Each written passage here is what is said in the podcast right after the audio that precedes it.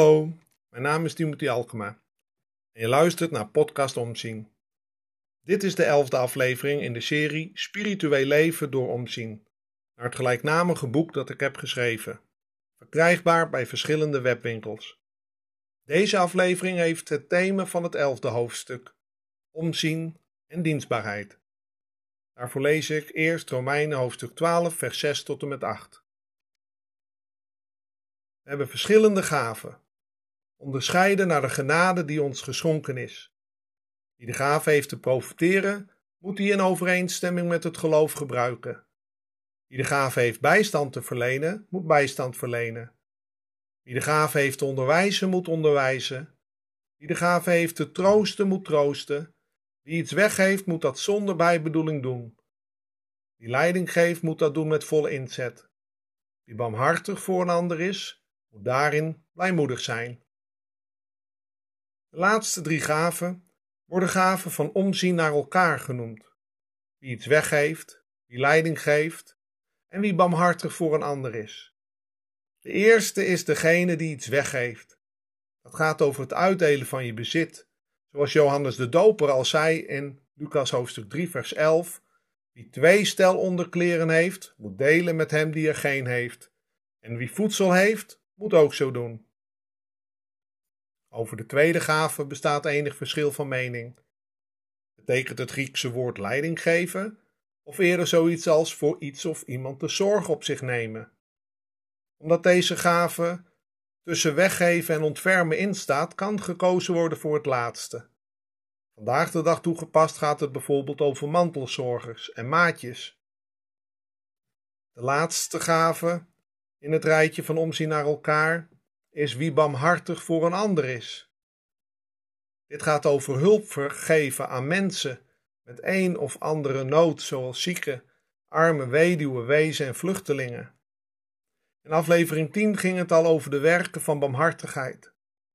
Wat mij betreft zijn alle gaven uit Romeinen hoofdstuk 12 manieren waarop je naar anderen kunt omzien. Iedereen kan met zijn of haar gaven en talenten meewerken aan een betere wereld. In Prediker hoofdstuk 9 vers 10 staat eenvoudig: Doe wat je hand te doen vindt. Aan de ene kant is het goed bereid te zijn allerlei vormen van dienstbaarheid te willen doen. En aan de andere kant kun je ontdekken welke vorm van omzien goed bij jou past. Ik zie vooral om naar mensen als geestelijk verzorger en pastoraal werker. Maar dat hoeft niet iedereen te doen. Ben jij bereid tot allerlei vormen van dienstbaarheid? En welke specifieke vorm van omzien past bij jou? Het Griekse werkwoord voor omzien zit in het zelfstandig naamwoord voor opziener. Leiders in de kerk worden in het Nieuwe Testament ook opzieners genoemd. Velen associëren dit woord met een strenge toezicht van een visitator en een inspecteur. Maar het Bijbels omzien naar mensen in nood heeft niet die inspecterende en bevoogdende klank. Omzien wil zeggen je voor de ander en zijn welzijn verantwoordelijk weten. Maar je hoeft niet in je eentje alles te doen. Zelfs als een bepaalde werkgroep of leidersteam hoef je niet alles zelf te doen.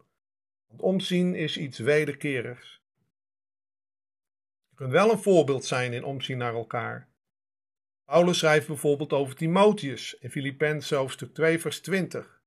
Er is verder niemand die zich net zo oprecht als ik om u bekommert. Dat betekent dat Timotheus ingesteld was om naar anderen om te zien. Vanuit het Nieuwe Testament is het niet precies bekend wat de taak van Timotheus was, maar hij werkte volop samen met Paulus. Timotheus wordt als voorbeeld genoemd voor al diegenen die heel tevreden zijn met een tweede plaats, zolang ze maar kunnen dienen. Zie jij ook om naar anderen in teamverband? Timotheus volgt zelf het voorbeeld van Jezus die in de Bijbel herder en opziener wordt genoemd. Paulus schrijft over de nederige houding van Jezus in Filippenzen 2, vers 5 tot en met 7. Laat die gezindheid bij u zijn, welke ook in Christus Jezus was, die in de gestalte God zijnde het gode gelijk zijn niet als een roof heeft geacht, maar zichzelf ontledigd heeft en de gestalte van een dienstknecht heeft aangenomen en aan mensen gelijk geworden is wil jij leren van iemand die dienstbaar is? geloven, hopen en liefhebben zijn net als omzien werkwoorden. Daarbij gaat het niet alleen om wat je doet, maar ook om wat je ontvangt. Wat hebben voor jou geloven, hopen en liefhebben te maken met omzien en dienstbaarheid? In aflevering 3 ging het over omzien en mediteren. In verband met omzien en dienstbaarheid wil ik daar graag het visitekaartje van Moeder Teresa aan toevoegen. Stilte, gebed, geloof, liefde, opoffering en vrede. Bekendheid met de een zal vanzelf tot de volgende leiden. Als men zich aan het proces overgeeft, zal het leven gemakkelijker, vreugdevoller en vrediger verlopen. De weg van eenvoud is, als eerste, de vrucht van stilte is gebed. Ik begin mijn gebed altijd met stilte, omdat God spreekt in de stilte van het hart. 2. De vrucht van het gebed is geloof. Geloof is een gave van God die groeit door gebed, net als hoop en liefde. Dat zijn de drie voornaamste deugden van ons innerlijk leven. De vrucht van geloof is liefde. Als je weet hoeveel God van je houdt, kun je die liefde gedurende je hele leven alleen nog maar uitstralen. 4. De vrucht van liefde is dienstbaarheid. Gebed in daden is liefde en liefde in daden is dienstbaarheid.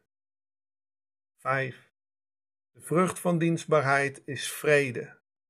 Daden van liefde zijn altijd daden van vrede.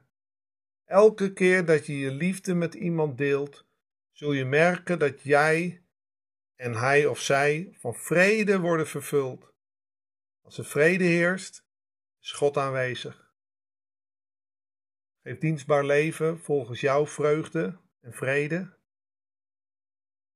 Als je wilt reageren op afleveringen van deze podcast, dan kun je mailen naar praktijk apenstaatje gmail.com.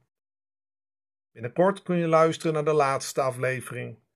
Omzien en godsdienst. Tot horens.